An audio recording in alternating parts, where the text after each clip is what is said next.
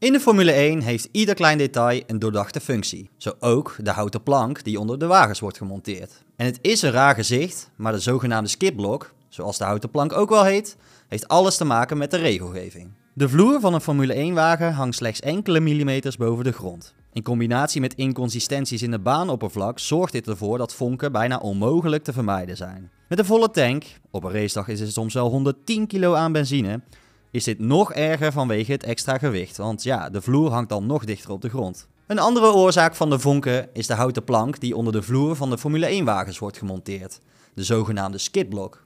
De plank is zelden zichtbaar omdat de onderkant van een Formule 1-wagen vrijwel nooit in beeld wordt gebracht.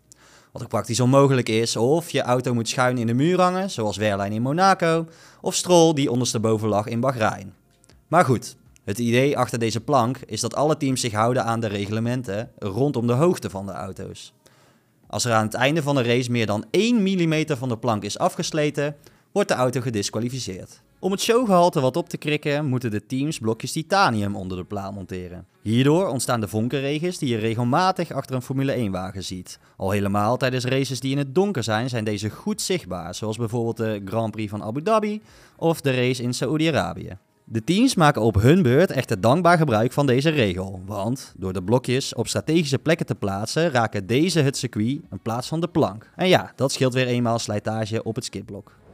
Heb je genoten van deze aflevering? Laat je horen via onze Apple Podcast pagina of vergeet ons niet te volgen op Spotify. Zie ik je morgen weer. Tot dan.